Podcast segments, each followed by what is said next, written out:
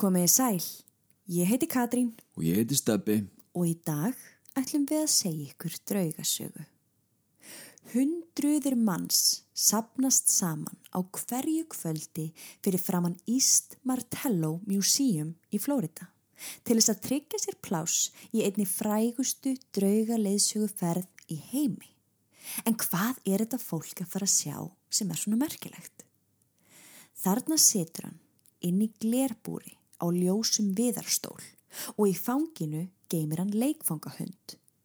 Hann er um það byrj 120 cm hár í hvítum pressuðum sjóarafötum með döft brós á andlitinu sem minnir helst á andlit brunafórnalamps. Inn í honum eru strá, á höfðinu ber hann hvítan hatt og augunans eru svartir nappar. Hann lítur merkilega vel út miða við að vera 114 ára gamal. Um hvernig erum við að tala? Jú, leifið okkur að kynna dúkkuna hann Robert.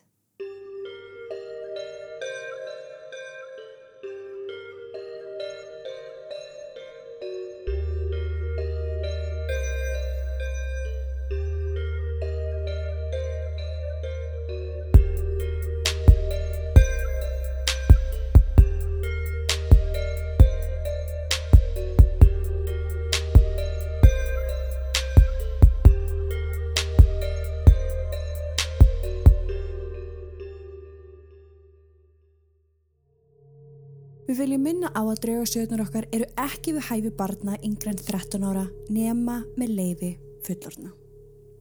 Og með því hefjum við sögu dagsins.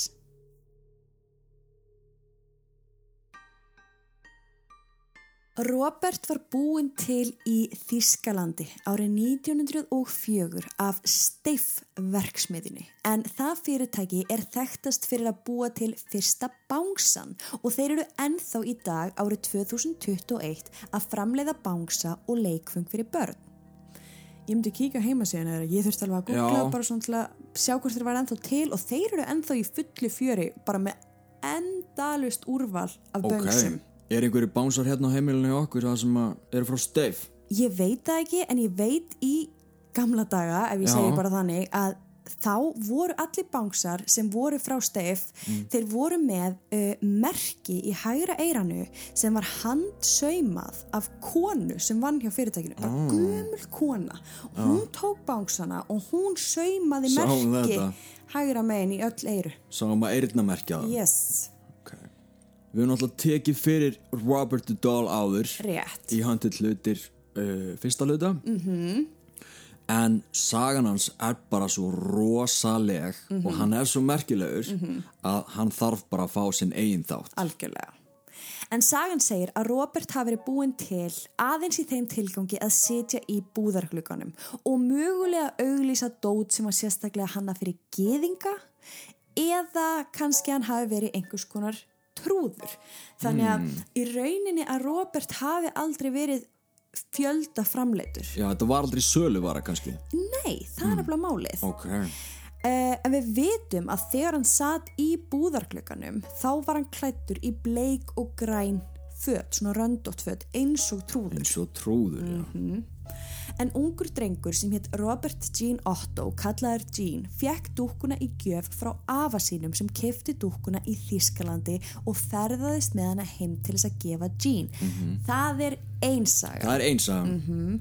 En önnur sagan, eins og við sögðum hana í Hunter hlutir 2, Já, það er einmitt að þræll fjölskyldunars hafi gefið sinni húsbóndans, sem sagt, Jean Otto, Já. dúkkuna, eftir að hafa lagt bölvun á hana. -hmm. Bara einhver svona bitur employee, einhver akkurat. hluta vegna. -hmm. En það eru nokkra kenningar sem eru á kreiki og við ætlum svona aðeins að kafa bara betur í söguna hans. algjörlega, hvernig sem hann komst inn á heimili óttafjölskyldunar, hvort það var afinn sem, sem er sem er eftir að ég er búin að kafa bara ennþá meir í máli, sem er líklegasta kenningin Ok, ok.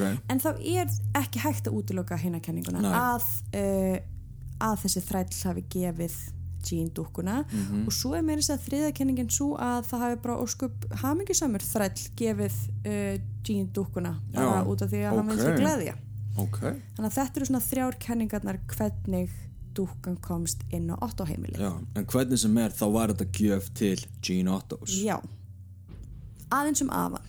En ef það hefði ekki verið fyrir hann, þá hefði dúkkan Robert eflust ekki komið inn á Otto heimilið, ef við ætlum að fara bara með Já. þá kenningu. Hann hétt Jósef Otto og var læknir. Hann var fættur í Þýskalandi en forðar sér til London í stríðinu. Hann var mjög virtur læknir og opnaði stofu í Key West í Florida. Ok, Þegar Jósef var orðin gamall mist hann sjónina og einn daginn þegar hann var að ganga úti með aðstofamanni sínum William þá skrekað honum fótur og hann datt. Eftir fallið fekk hann mikinn verk í maga sem að lokum leitan til dauða og hann var aðeins 59 ára gamall. wow Jean elskaði dúkkuna sína mikið, svo mikið að hann nefndi hana í höfuðið á sjálfum sér. Þaðan kemur nafni Robert. Jean fór ekkert án þess að taka Robert með sér og hann kom fram við hann eins og hann væri lifandi strákur eins og hann sjálfur. Sambandi þeirra var mögulega frekar óvinnulegt og sumir vilja segja að þarna hafi komið í ljós að mögulega var Jean eitthvað eftir á í þroska. Ah, ok. En það eru svona engar heimildir sem staðfesta það. Og það ber að hafa í huga að það var ekkert óeðlilegt við það á þessum tíma að strákar væri að leika sér með dúkkur. Því dúkkur í rauninni voru að falla undir sama hatt og bánsar sem voru þarna nýkomnir á markað árið 1902 Svo verður þetta bara eitthvað svona kvenlegt og, og móður eitthvað í Já, framtíðinni. Emmett, eitthvað Já, sem við e- bara búum til Já, sem er sem betur fyrir aðeins að ganga tilbaka núna. Sem betur fer eh, krakkar á þessum tíma þau voru líka frekar að leika sér úti í leikum heldur með leikfeng og þar sem Jean var yngstur þá hefur dúkkan verið góður vinur þegar allir stóru krakkarnir voru úti og hann kannski mátti ekki fara út Já. og þá átti hann alltaf þess að dúkku. En hann tóka með sér hvert sem hann fór það ekki? Jú, hann gerði það. Og við erum að tala um sko 120 cm dúkku. Já, og hann er fimm ára þegar hann fær hann Þannig að þeir eru jafn stórir. Já, wow. En Jean og dúkkan Robert þróa með sér mjög furðulegt samband og Jean átti það til að kenna Robert um allt sem fór úrskeiðis eða gerðist í kringum hann. Svo til dæmis ef Jean gerði eitthvað af sér eða brauti eitthvað á heimilinu þá kendi hann Robert um. Robert did it var fræg setning á 8 heimilinu og eins og ég sagði á þann þarna var Jean aðeins 5 ára gamall og út af því að hann kendi dúkkunum allt sem miður fór þá fekk dúkkan á sig stimpil fyrir að vera vond Já, það var líka gerð bíómynd um Robert the Doll, svona Hollywood mynd og þá var titillin alltaf Robert did it Einmitt. Fyrsta furðulega atvikið á milli Jean og Robert átti sér stað fljótlega eftir að hann egnaðist dúkkuna. En eina nóttina þá vaknar hann og sér Robert setja í rúminu til fóta og stara á hann. Fljótlega byrjaði húsið að hristast eins og verið var að kasta til húsgögnum á neðri hæðinni. Móður hans vaknar við lætin og hleypur inn til svona síns og þar finnur hún hann logandi hrættan undir senginni sinni en allt herbergið hans var í rúst. Robert hins vegar satt ennþá á rúminu til fóta. Maður hefði haldið að eftir þetta atvik myndi Jean forðast dúkkuna en þvert á móti þá var þann heldteknar af henni.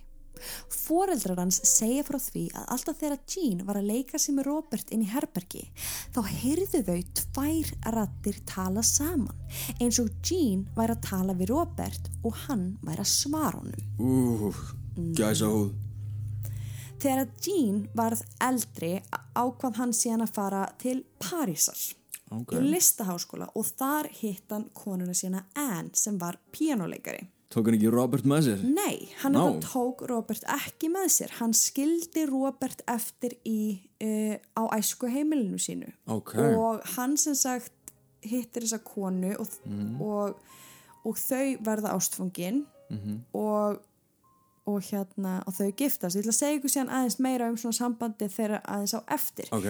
En mörgum árum setna að þá flytja þau saman til Florida á æsku heimilið Jean og En var mjög undrandi þegar hún komst að því að maðurinn hennar var með sér hana herbergi á háaloftinu sínu fyrir dúkkuna Robert. Og þarna eru sem sagt foreldrar hans dánir og hann er í raunin að flytja inn á æsku heimili sitt aftur með konunu sinni sem hann var búin að kynnast í Evrópu. já, og núna búa þau tvö þarna á samt Robert Já, sem á sitt eigið herbyggi. á háaloftinu, já Vissi hann á þessu þegar hún kynntist hún? Þarna var Jean búin að klæða Robert í hvítu sjóarafötin sem hann sjálfur hafði klæðist sem barn. Jean var vanur að mála á háaloftinu og ef þið sjáuð sem sagt uh, mynd af húsinu þá kannski skilja aðeins af hverju þetta er svona turn og þarna var alltaf bara besta byrtan og þegar hann fór hann upp að mála þá sett hann Robert í gluggan svo að Robert gæti nú verið hort út Jú, jú. Skólabörn sem gengur fram hjá húsinu sóru fyrir það að dúkkan reyfðist í glugganum og lappaði stundum á milli þeirra. Svo hún byrtist í nýjum og nýjum glugga. Þetta var til þess að krakkarnir tóku stóran sveig í staðin fyrir að ganga fram hjá dúkkuhúsinu.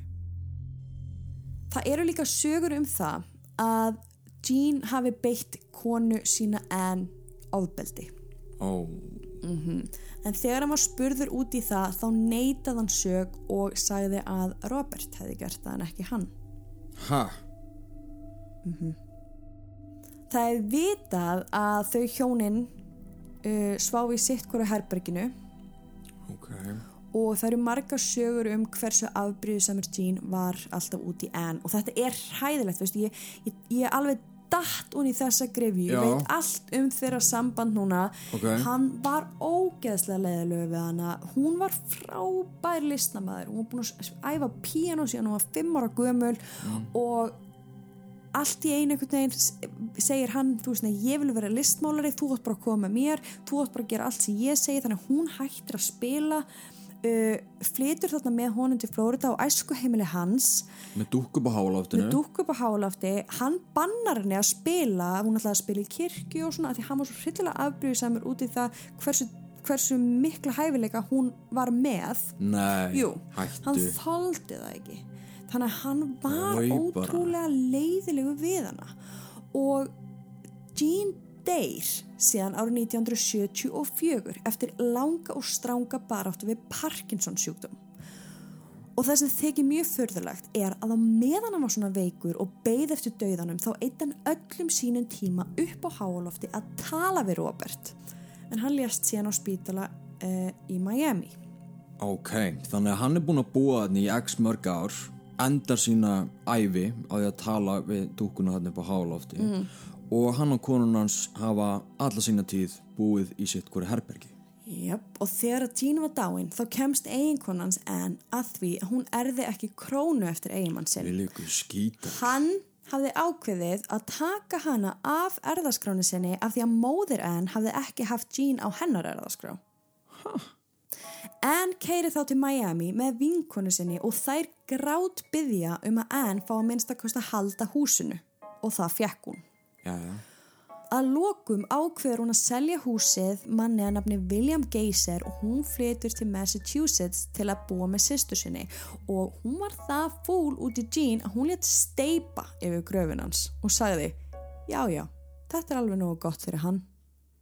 Anskuti að því hún í rauninni bara út út úr hún í rauninni áttaði sig á þarna bara ok, ég hendi bara mínum karriér Já. ég hendi bara mínu lífi fyr, fyrir hennar listmálara sem átti síðan dúkku upp á háloftir, bara hvað var ég að spá? Einmitt.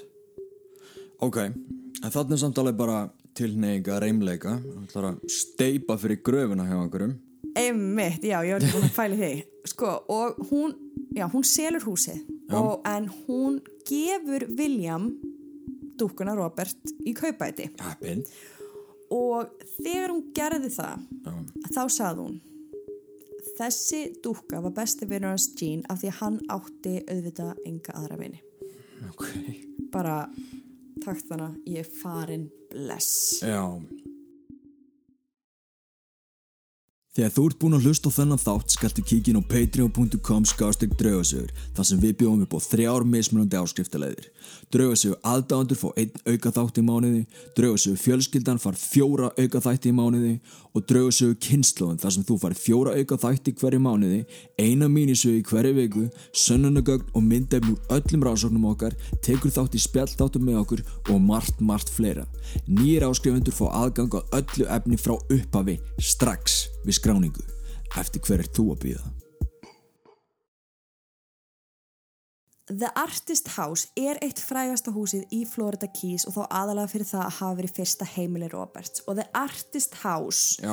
er sem sagt gamla húsið hans Jean, æsku heimili hans og heimili hans Roberts Já. Þetta er ótrúlega sérstakt hús og ég mæli með að þið kíkið á myndir af því. Það er á tveimur hæðum og eins og ég sagði á þann, vinstra meginn kemur síðan upp hálgjöru törn. Eh, en það er líka háaloft sem Robert bjó á. Gluggar hlerarnir eru fjólubláir og fjólubláir stólar príða pallin. Þröngur stíi leiðir svo upp á hálofti þar sem Robert átti sitt eigið herbergi. Í dag er þetta herbergi bara venjuleg geimsla en það er eitthvað óögulegt við þetta rými samt sem áður og í dag þá er þetta hús bed and breakfast sem bara allir geta bóka sér herbergi á Nei, Jú. En tveir menn leia svo húsið. Af þessum William. Af þessum William. Ok, en fljótlega eftir að þeir fluttu inn fara þeir að heyra ríkilegan háfaða koma frá háaloftinu. Og ástæðan fyrir því mm. e, er svo að þegar að Anne gefur William dúkkuna í kaupæti já með húsinu. með húsinu þá segir hún hann verður samt að vera aðn uppi þú veist, ég myndi ekki taka hann ég myndi ekki vera með hann heima á mér. Hafða hann bara upp á hálofti. Þannig að hún veit að það er eitthvað spooky og eitthvað skrítið Já. með þessa dúku já, hún Ok. hefur ekki til að segja um það. Nei, en hún segir William bara verður með hann upp á hálofti. Þannig að ok. þegar þeir aðtuga máli þessi tveir menn sem er að leia húsið uh, að þá sjá þeir dúkkuna. Já, nema hvað að hún var aldrei á sama stað. Þeir lýsa látunum eins og krakkar væru að hlæja og hlaupa fram og tilbaka upp á hálóftinu. Þeir byrjaði á því að kenna hverju öðrum um lætin og það að dúkkan væri að færast úr stað. Heldur bara að þeir væri að ruggla í hverju öðrum. já, já Uh, en allir neituðu, skilur Ok. þessi menn bara nei, nei, veist, þetta er ekki ég, ég er ekki að vesenast í þessu. Já, Í hvert skipti sem þeir fóru á hálofti til að aðtök hvaðan lætin komu þá var Robert í mismunandi stellingum líka, ekki bara á mismunandi stað, heldur stundum, þú veist, vísaði höfuð hans til hliðar og stundum var hann með hendunar uppi, stundum niðri og fljótlega áttuði menninni sig á að dúkkan var að gera þetta sjálf. Þeir bjóða þá vini sínum í heimsók sem var miðill, maður að nefni Malcolm Ross. Malcolm lýsir því þannig að þegar hann gekk inn og sá dúkkuna fyrst þá var furðulegur andlitsveipur á dúkkunni eins og hún væri bara furðulostin svona eins og einhver væri að skamman og eins og hann væri að spurja sjálfan sig af hverju allir þessi menn væri inn í herbyggin hans ok, þannig að dúkan var bara með sveiprið hann segir að þetta hafi verið sveipurinn á henni þegar hann, Þegar hann gekk, gekk inn. inn. en svo fór Malcolm að rölda þarna um og ræða hversu falli húsgögninas Roberts voru. Og þá lýsir því þannig að svipurinn á dúkkunni hefði breyst eins og hún skildi um hvað hann var að tala hvað hann var að segja. Wow, og svipbreyðin breyttust í kjölfarið. Síðan er að sagan af pípara sem var að vinna þarna í húsinu uh, sem heyrði eitt sinn einhvern hlæja fyrir aftan sig og þegar hann leit við sá hann dúkkuna Robert setja skamt frá sér. En hann var alveg vissum að hún hafði ekki verið þarna þegar hann byrjaði. Þriðjilegjandin sagði að dúkkan hefði smitað hann af yellow fever. Já. Þetta var ungur lögfræðinemi sem leiði herbergi í húsinu í kringum 1970 en hann segir að dúkkan hafi ásótt hann illa allan tíman á meðan hann bjó í húsinu. Hann segir að dúkkan hafi læst sig inni upp á háalofti í tæpar tvær vikur og Ha, gert sér veikan. Já. wow En vinir unga mann sem segja hins vera að dúkkan hafi gert hann geðveik. Wow, Þú veist... já, hverju á maður að trúa Mm. Hjón sem héttu Myrtle og William kaupa síðan húsið af Geyser árið 1974 og þar á meðal dúkkuna líka. Að sjálfsögðu, dúkan fylgir húsinu alltaf. Myrtle tengdist dúkkunni sterkum böndum og á jólunum þá klætt hún Robert upp og leifð honum að sitja við jólatrið. Þegar þau selja síðan The Artist House árið 1980 þá tekur Myrtle dúkkuna með sér og þá byrjuðu skrítni hlutir að gerast í hennar lífi og það var hún sem ákvaða að gefa safninu dúkkuna árið 1994. Þann 18. ágúst 1994 mætir Mörtul og safnið með dúkkuna Robert. Hér er dúkka sem heitir Robert, sagði hún. Hann var einu sinni í eigu 8 fjölskyldunar og ég þór ekki hafa hana lengur heima hjá mér. Og ég ætla að taka þarna inn, þú veist, að í eigu 8 fjölskyldunar, Þau voru eitthvað númer kannski? já af því hann var listmálari. Já, Gene ok. var listmálari, þannig að Ok, þá voru þau kannski svona spenntari fyrir því að Já. hlusta. Hún útskýrði fyrir safnverðinum hvernig hún lokaði og læsti Robert inn í skáp þegar hún fór að taka eftir því að dúkkan hreyfðist sjálfkrafa. Hún sagði líka að dúkkan hafi eitt sinn náð að loka hana sjálfa inni. Aftur, ok. Já. Tvær sögur þannig. Hún sagðist vissum að dúkkan væri, ég ætla að lega mér að sletta, haunted.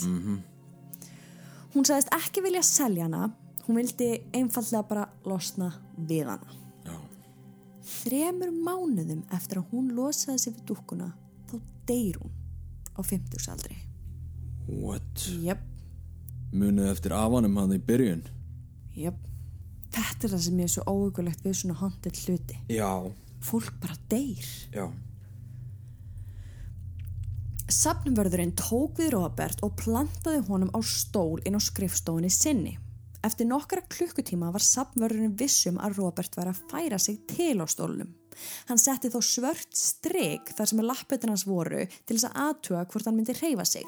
En safnvörðurinn segir að Robert sé nógu klár til þess að láta ekki nappa sig þegar hann reyfi sig. Ok. Það er það sem hann vildi segja því að hann Ok. sá ekki að, að Hann hafi farið yfir línu. Nei. Robert var svo að endanum færður út af skrifstofunni og var þó geimdur í bakherberginu undir hvítum dúk af því að starfsfólk var svo hrætt við hann. Nú. Mm. Og ef fólk vildi koma og skoða Robert þá þurfti það að panta sérstakann tíma til þess að gera það. Þannig að þarna var samt alveg komin saga um það að þessi dúkka væri á þessu safni, það væri hægt að skoða hann, en ákveðin þetta- skilir sem þetta þú verðt að... hefur einhvern veginn, einhvern veginn borist út, sko. Já. En þó að Robert hafi vissulega verið færður út af gamla heimilinu þá heldu undarlegi hlutir áfram að gerast þar. Símar flugu í gólfið, bókaskápar og herbergistir opnuðust af sjálfum sér og íbúum leið eins og einhver væri að fylgjast með þeim þegar þau fóru á háalöft. Þau lístu neikvæðum tilfinningum sem þeim fannst þau finna þar uppi og það var einhver óþægileg nærvera. Nágrannar töluðu líka sín á milli og þeir voru sammála um að sjá gardínutnar reyfast fram og tilbaka upp og niður í glugganum á háaloftinu þar sem Robert hafði alltaf setið. The Artist House var fljótlega breytt í Bed and Breakfast eftir að Anne dó og mjög fljótlega eftir það fór starfsfólk og gestir að verða varir við andakonu sem var klætt í brúðakjól. Nú, kona. Já. Ok. Ég var bara, hver er það? Já, hvaðan kemur þú? Og líka þegar Robert er farin, akkur er þú að koma? Já.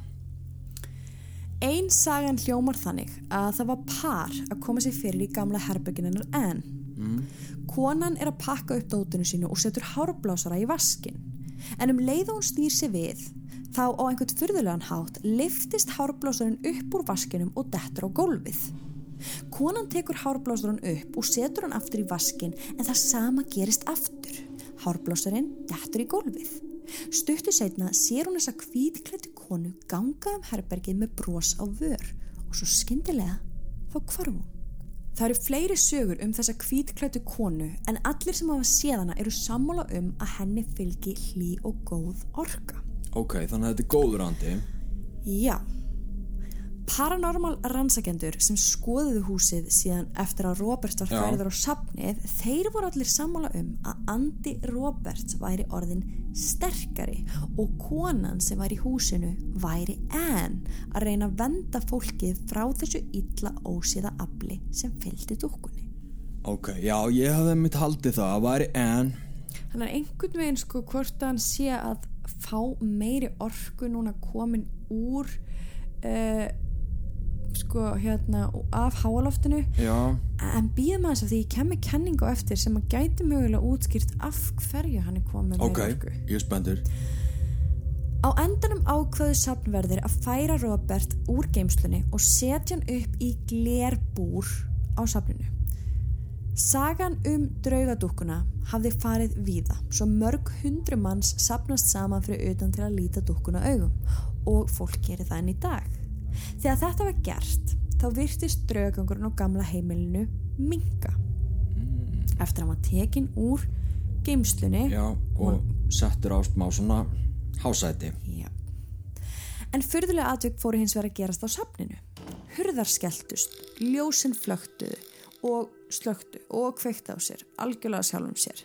Gestur fóru kvart undan því að myndavélar urðu batterislausar þegar það reyndi að taka mynd eða vídeo af dúkkunni. En þeir sem náða að taka myndir án þess að verða batterislaus komist fljóðlega því að allar myndirna frá safninu voru í fínu lægi nema myndirna af Robert sem voru allar blörraðar. mm, Alveg rétt, við fórum yfir í hérna Haunted. Haunted Já. dætinum Rétt fyrir aldamótin 2000 þá var ákveðið að þrýfa sjóarabúningin hans Roberts í fyrsta skipti. Hann var klættur úr og lokaður inn í glerkassanum sínum yfir nótt á meðan fötum voru þvegin. Næturvörðurinn á vakt gengur svo inn í salin þar sem Robert er geimtur og þá sér hann lítil spór á gólfinu sem leittu að glerkassanum hans Roberts.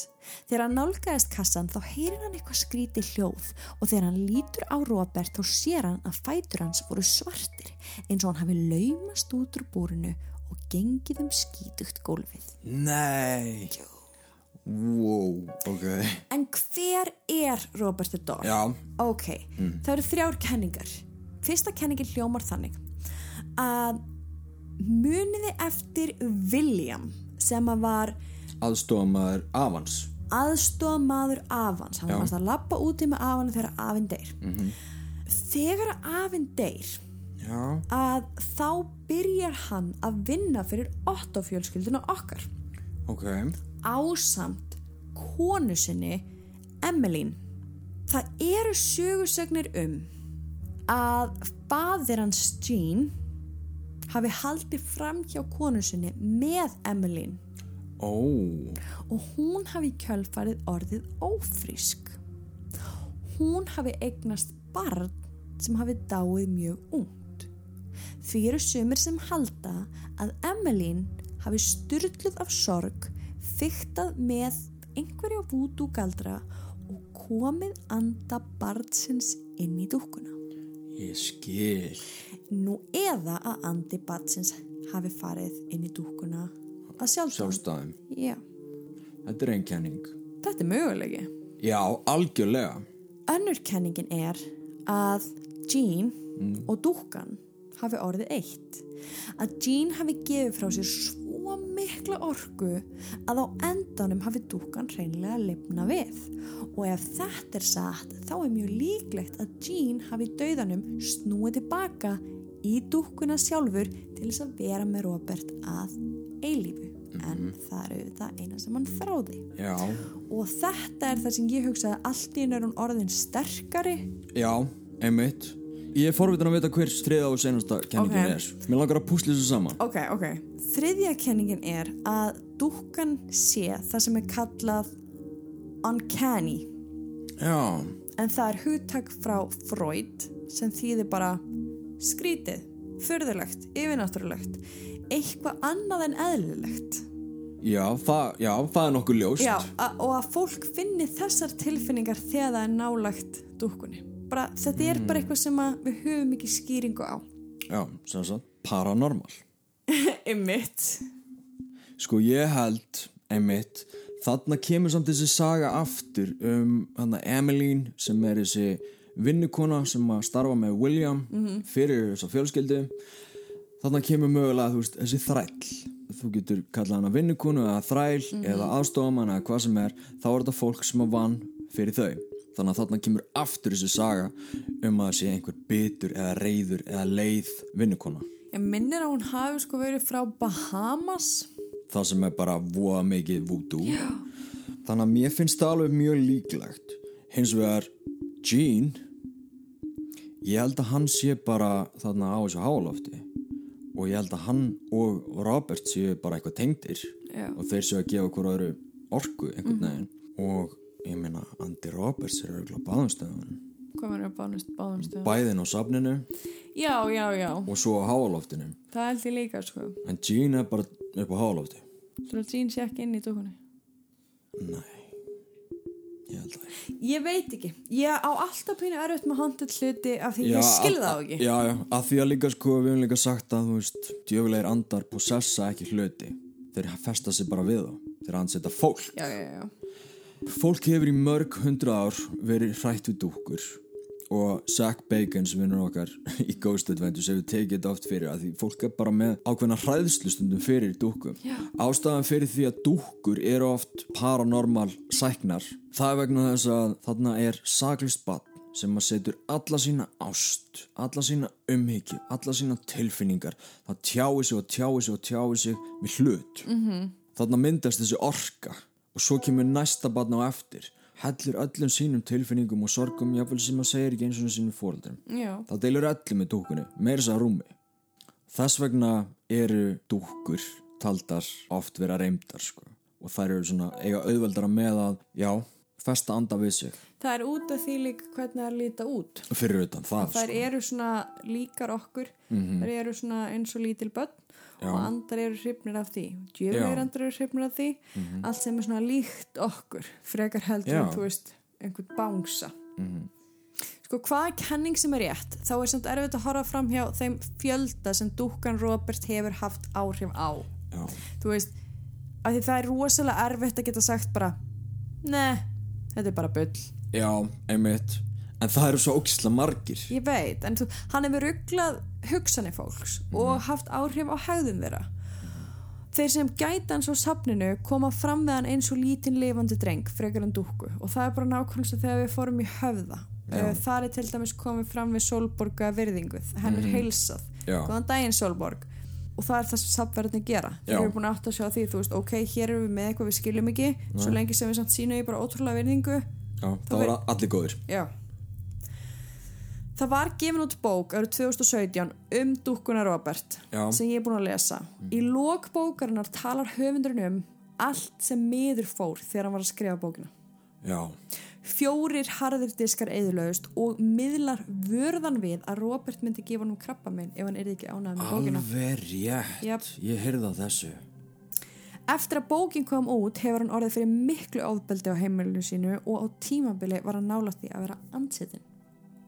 Og hann segir mér þess að í bókinni bara þið afsekið ef að kaplarnir endalt í hennu snögglega eða er eitthvað svona pínu öðruvísi eða rugglingslegir vegna þess að ég gat bara ekki haldið áfram á einhverjum tíðanpunkti. Það var bara ráðist svo á hann. já og gögnin bara eðlaðust í fjórgang Dúkkan Robert fær mörg hundru bref send í hverjum mánuði. Oftast eru þessi bref frá fólki sem hefur óvart tekið mynd af Robert án þess að byggja um leifi. Það er mjög mikilvægt. Robert leifir ekki fólki að taka mynd af sér nema það byggja fyrst um leifi og hann verður að gefa leifi. Hvernig gefur hann Ég leið? veit það ekki. Nei. En ég sjálf, ég myndi ekki dyrfast að taka upp símun og taka mynd af honum. Ég myndi aldrei þóra því. Aldrei. Nei. Aldrei. Þetta, þetta er meira þess að þú veist, horfa of lengi á Ho- mynd já, einmitt, að horfa í augun á þessu og, já, já, Þú veist, ég var eitthvað að skoða dukkuna rosa mikið á einhverju mynd, ég var að kíkja á eirun á henni og eitthvað fyrir hennan þátt já, og ég er svona, ég mani ég er svona, uh, nei, nú hætti ég og ég bara svona lokaði, að því var eitthvað ég var ekki Vá. viss. Skilur hvað ég við. Já, það verður forvöldilegt að vita hvort að við lændum í einhverjum vandræði með útgáðu þess að þáttar. Þetta er svo skrítið. Já, við getum búið til heilan spjallþátt. Við ætlum að gera spjallþátt bara um bara alla hluti og bara bara hvað, hvað er í gangi? Akkurat þeir sem hafi áhuga á þessari dúkku þeir, gætu lesið bókina við erum samt eiginlega búin að fjalla um allt sem Já. við mögulega getum fjallað um í þessum þætti þannig að þú eiginlega eftir að hafa hlustað á hann þátt Mm. þá þekkir þú Robert Dahl mjög, mjög, mjög Akkurat. vel uh, en það er hægt að finna alls konar bref á netinu já, og bandaríkja fósiti hefur meðal annars sendt honum bref spáði því Fekk hann svar? Nei, Það er alveg svona, en fósettin sendi honum samt bref sko. hann fannst honum bara við hæfi að óskunum til hæmingi með amalið ég held að hann hafi verið 110 ára og bara svona, já, hafið alltaf góða í Florida takk please. já, En ég er að spæja ljúka sögudagsins á því að lesa eitt bref fyrir ykkur. ok 31. mars 2010 Kæri Robert, ég er alveg miður mín að ég hafi tekið mynd af þér án þess að byggja um leifi þegar ég heimsótið safnið í síðustu viku. Síðan ég tók þessa ljósmynd í leifisleysi hefur margt fyrðulegt gerst. Þegar ég var að keira heim frá Florida Keys þá hljóp reyndir í veg fyrir bílun okkar svo ég kerði út af. Ég klesti næstum því á tré. Tveimur dögum síðar kom upp eldur í eldúsinu mínu á nokkrum stöðum og við erum búin að heyra barnahlátur á efrihæðinni þó að enginn sé þar uppi. Í gerðkvöldi var ég ein heima og ég heyrði rattir kom úr kjallarannum. Ég ákvaða að kanna málið og fór niður en ég misteg mig í tröppunum og hrundi á gólfið. Þegar ég stóð upp og ætlaði að fara aftur upp stegan þá var hörðin læst. Maðurinn minn kom heim stuttu setna og opnaði fyrir mér. Hann trúði ekki því sem gerðist og segir að ég hafi eflust bara læst sjálfa mig inni. En í allri hreinskilni, Robert, þá vitum við bæði sannleikan. Ég vona innilega að þú fyrirgeði mér fyrir að hafa tekið myndaðir í leifisleysi og ég vona líka að þú fyrirgeði dóttu minni fyrir að hafa rekið út úr sér tunguna þegar hún sá þig fyrst. Kær kveðja, Rosi Kalvo.